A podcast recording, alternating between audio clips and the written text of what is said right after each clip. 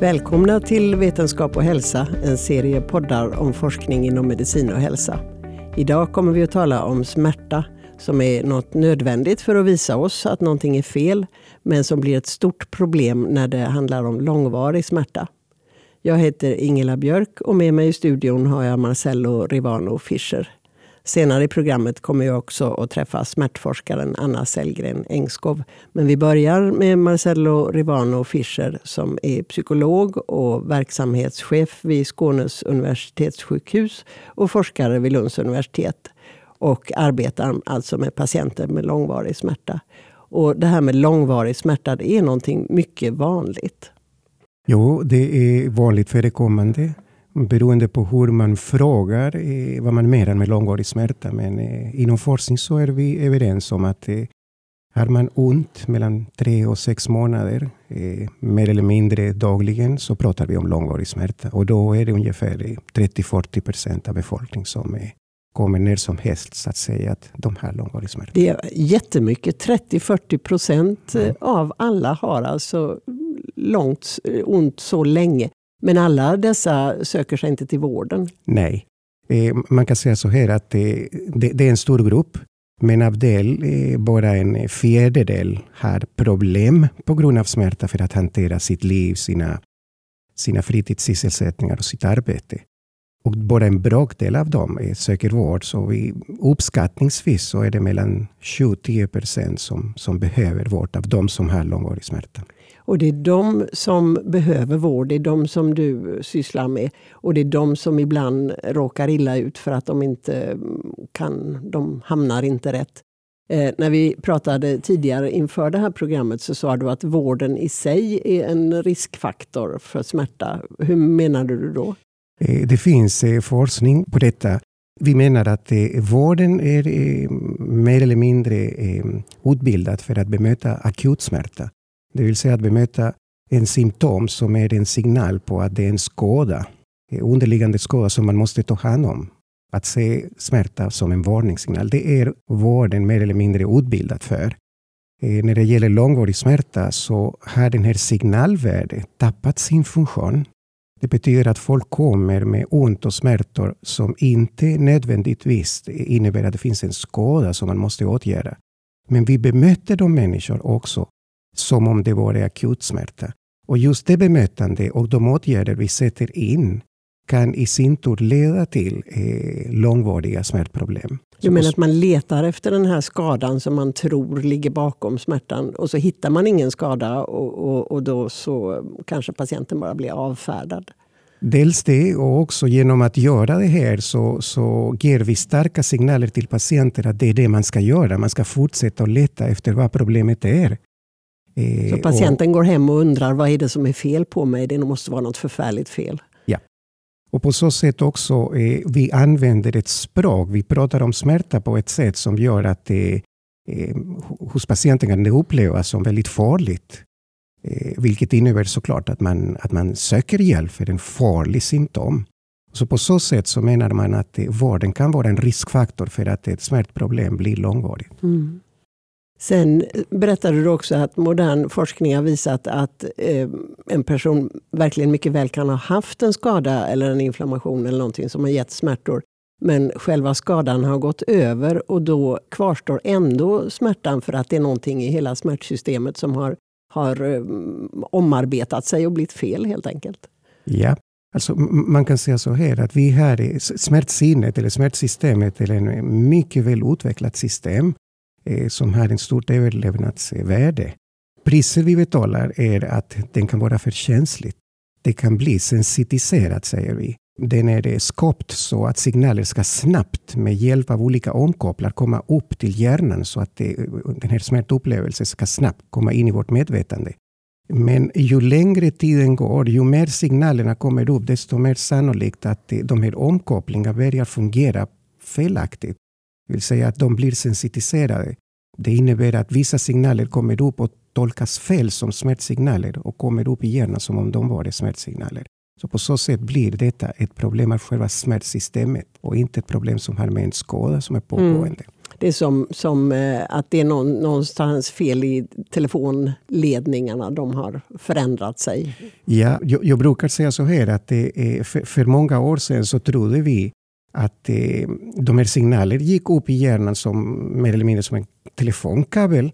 Eh, och eh, det var problem låg inte i själva kabeln. Idag vet vi att ju längre tiden går med signalering så kan själva systemet, det vill säga den här, de här kablarna, ändra sig. Det, det visste vi inte om. Mm. Och om jag då är smärtpatient och möts av misstro för att ingen kan hitta vad det, att det är något fel på mig, då blir jag ju såklart eh, ledsen och jag blir stressad och olycklig. Och, och det i sin tur kan ge mera smärta för då kommer man in i en ond cirkel. Men det som ni jobbar med då i, i team med bland annat läkare och arbetsterapeuter och sjukgymnaster tror jag och på forskningsbaserad grund. Det är att vända det här så att det blir goda cirklar. Men egentligen jobbar ni inte primärt med att få bort smärtan. Nej, nej det, de patienter som vi jobbar med i, i de här program som man jobbar i team eh, är mer fokuserade på att hitta ett sätt att hantera livssituationen så att eh, våra patienter ska kunna göra det de vill göra i sitt liv. Det här innebär ibland att man måste eh, hitta nya målsättningar eller ändra lite grann riktningen, men det ska vara patientens egna riktning. Vi är inte i fokuserade på att minska smärta, men det är såklart vi jobbar för att förbättra sömn. Vi jobbar för att eh, lugna eh, rädslor. Vi jobbar för att folk ska kunna exponera sig till, eh, till sina smärtor och märka att det blir inte farligare. Man ska våga göra man saker ska, även om det gör ont. Och det är klart att allt detta gör att man mår bättre. Och mår man bättre så, eh, så blir detta också en signal i hjärnan. Sen vi vet också att hjärnan omprogrammerar sig. Så att med allt det vi har sagt, så, alltså vi, vi är osäkra om de här programmen i sig leder till en minskning av smärta eller om det är bara en upplevelse. Men faktum är att hälften av patienter efter våra program, trots att vi inte är inriktade på det, säger sig ha mindre ont ett år efter. Men i början när, när de träffar er i teamet och ni säger att ja, nu så tror vi inte kanske att vi kan göra någonting direkt åt smärtan men eh, vi kan eh, hjälpa dig att leva med det. Vad säger patienten då? För patienten vill ju bara bli av med smärtan, eller hur? Alltså detta är en, man skulle kunna säga det är en, det är en rätt så stor eh, sak. Det är en väldigt smärtsam kullerbytta som patienten måste göra, både kognitivt, alltså i sina tankar, men också känslomässigt. Det vill säga att börja acceptera att här finns ett obehagligt, delvis obehagligt symptom som i nuläget jag blir inte av med.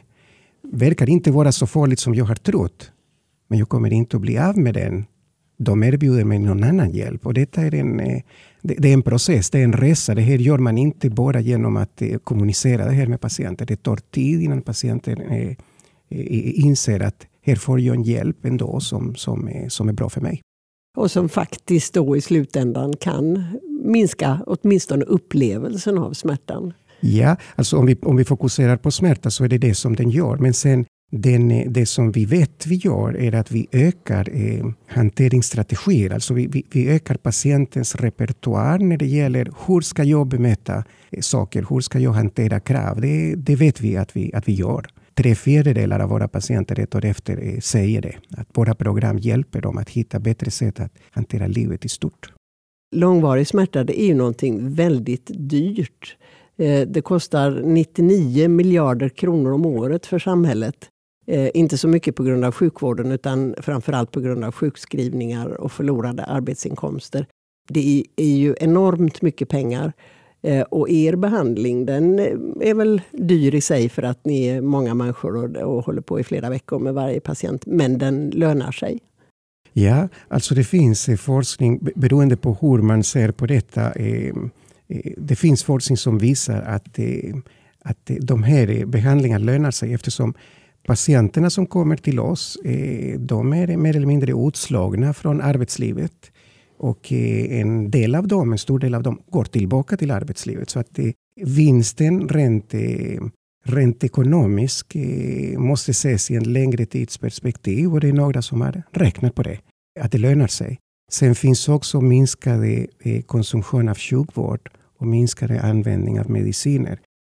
Jag har varit behandlare länge och detta ser man också på individuellt, alltså på, på, på, på individnivå. Men vi vet på gruppnivå att det fungerar. Numera så är jag mer, jag, jag sysslar mest med forskning och utbildning och leder en organisation som jobbar med smärta. Ja, det är väl också en, en organisationsfråga mycket det här hur, det, hur man kan ta hand om patienter med långvarig smärta. Och du har sagt att ni täcker eh, i hela landet då kanske ni kan ta hand om mellan 4 och 6 tusen eh, av den här typen av patienter. Men ni tror att det är kanske 40 000 personer som går omkring och har en långvarig smärta som behöver behandlas på ett mera eh, långvarigt sätt. Eh, och är problemet då att det är olika penningpåsar så att säga? Det landstinget eh, har, har ju sin budget och sen Försäkringskassan har en annan budget. Eller vad, vad är det som gör att man inte kan satsa när det nu faktiskt lönar sig? Alltså jag tror att det, det är olika faktorer som medverkar. Det är kunskap om, om hur vi jobbar är det inte så att säga eh, spritt jämnt över, över hela landet. Eh, just nu i samarbete med SKL och med huvudmän på de olika landstings och regioner. Vi håller på att få en kartläggning. Hur, hur, eh, hur organisatoriskt, hur ger vi förutsättningar för de här, eh, för de här behandlingarna? Så att vi tittar på det. Vi vet att det är sprättigt. Så en, en, en faktor är att, att folk inte riktigt vet när och hur man ska skicka till oss. Men sen kommer den andra faktorn som du nämnde och det är att de vinster som vi gör eh, inom sjukvården med den här gruppen patienter, de syns inte inom sjukvården så mycket som att de syns i andra, i andra delar av samhället. För det, det är klart att, precis som du sa, om det är nästan 100 miljarder som, som detta kostar och mestadels ligger på bortfall i arbete, så är det inte, det är inte sjukvården som ser mm. den här vinsten. Det är så att säga nästa, det är andra myndigheter. Man ser detta på Försäkringskassan, minskning av sjukskrivningar och man ser detta på arbetslivet. Hur tror du att eh, det blir, eh, låt oss säga om tio år? Är, det, är det situationen bättre för den här gruppen av patienter? Ehm, ja, jag, jag, är optimist. Eh, som jag nämnde till dig så håller vi på nationellt att kartlägga problematik. Vi har fått gehör för att, ehm, att det krävs här en kraftsamling. Någon form av nationellt plan eller riktlinjer för hur vi ska göra. Det är på det nationella planet. I, i Skåne så, så har vi redan sedan några år tillbaka ett bra samarbete mellan eh, sjukvården och regionen just när det gäller eh, långvarig smärta. Där vi har försökt strukturera eh, nivåer eh, så att patienter går till rätt nivå av vård. Eh, vi håller på att utbilda också eh, olika vårdenheter i regionen så att det, så att det blir inte den här förlust när, när, du nämnde just det här att det är 4, 5, 6 tusen eh, får vård hos oss, men det borde vara 40 000. Vad händer med de andra? Alltså de andra 20 30 000 de valsar runt i vården. De träffar en doktor, en annan doktor, en tredje doktor. Eh, de blir ett problem för vården, men de, de också har mycket lidande i sig. De, mm. de hittar inte lösning för sina problem. Vi har hört Marcello Rivano Fischer, smärtspecialist knuten till Skånes universitetssjukhus och Lunds universitet. Nu ska vi träffa Anna Sellgren Engskov som också hör hemma på de två ställena. Hon är anestesiläkare och doktorand och forskar om smärtlindring vid akut smärta. I, I ett av dina försök, Anna, så jämförde du effekten av de verksamma ämnena i två olika värktabletter. Hur gör man ett sådant försök? Jo, eh, för att framkalla smärta så använder jag mig av koldioxidlaser som man då skjuter med en liten pistol mot eh, hålfoten på forskningspersonerna. Eh, jag ville att forskningspersonerna skulle ligga på ett visst, en viss smärtnivå från början. En moderat smärtnivå. Så jag började med att titrera ut den här nivån med laserpistolen och de fick då eh, utvärdera smärtan med hjälp av VAS-skalan. När jag hade nått rätt nivå så började vi själva försöket och då kom varje forskningsperson fyra gånger. Jag sköt med den här laserpistolen under hålfoten och då var det så att forskningspersonerna kunde få fyra möjliga dropp i en droppnål som vi hade satt. Antingen det ena läkemedlet eller det andra, eller en kombination av båda, eller inget alls. Så eh, laserpistol i hålfoten, det låter ju väldigt obehagligt. Provade du detta på dig själv också? Jag gjorde faktiskt det och eh, det gjorde jag mycket för att det visade ju sig att kvinnliga och manliga försöksdeltagare tolererade olika mycket smärta. Generellt var det ju så att eh, männen klarade av väldigt mycket högre smärtnivåer. Så att jag tänkte jag måste prova, det här kan inte stämma. Men det gjorde det. Jag kom inte högre upp än de andra eh, kvinnorna. Vad tror du att män generellt har?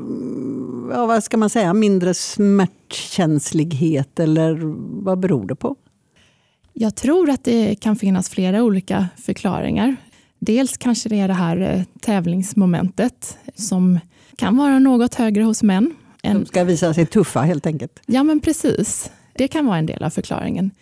En annan del av förklaringen skulle kunna vara om man nu drar en parallell med ett annat smärtinstrument som heter Pain Matcher. Eh, där har man sett samma könsskillnader och där har man kunnat visa att det beror på att kvinnorna har en högre andel smärtreceptorer i fingerspetsarna. De har känsligare fingertoppar?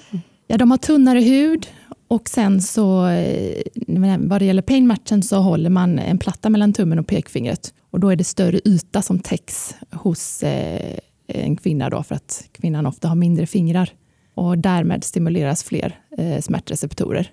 Och jag tänker mig att det här också skulle kunna vara en del av förklaringen när man använder koldioxidlaser. Kanske framför allt det här med att kvinnor har något tunnare hud då, även i hålfoten. Det är väl ganska speciellt att forska på smärta för att, man, för att det ska bli någon poäng med forskningen så måste det faktiskt göra ont eh, på folk. Och som du sa förut, alltså då, då vill det till att man hittar en rimlig nivå som, inte, som känns men som inte är alldeles förfärlig. Jo men precis, visst är det det. Eh, det ska vara etiskt försvarbart att genomföra de här studierna också. Samtidigt så måste man upp eh, på en viss smärtnivå för att kunna utvärdera ehm, den smärtlindrande effekten av olika läkemedel. Då. Det finns ju redan väldigt mycket olika smärtstillande mediciner. Eh, men det behövs alltså ändå, menar du, bättre smärtlindring även vid akuta smärtor? Ja, man kan säga att de här läkemedlen som jag har tittat på, det är ju eh, läkemedel som har funnits länge. Jag tror bara att man skulle kunna använda dem eh, på andra sätt och använda dem mera än vad man gör idag. Kan du säga några sammanhang inom sjukvården som exempel där man har behov av bättre akut smärtlindring? Ja, det skulle till exempel kunna vara väldigt korta akuta eh, smärtingrepp, såsom att sätta en nål eller ta ett blodprov eller sätta en kateter eller eh, en sond. Ganska så enkla saker som man inte alltid får smärtlindring för, eh, men som jag tror att många patienter skulle vilja ha smärtlindring för.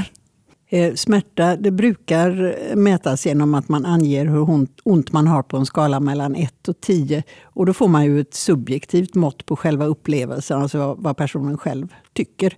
Och något objektivt mått finns inte idag.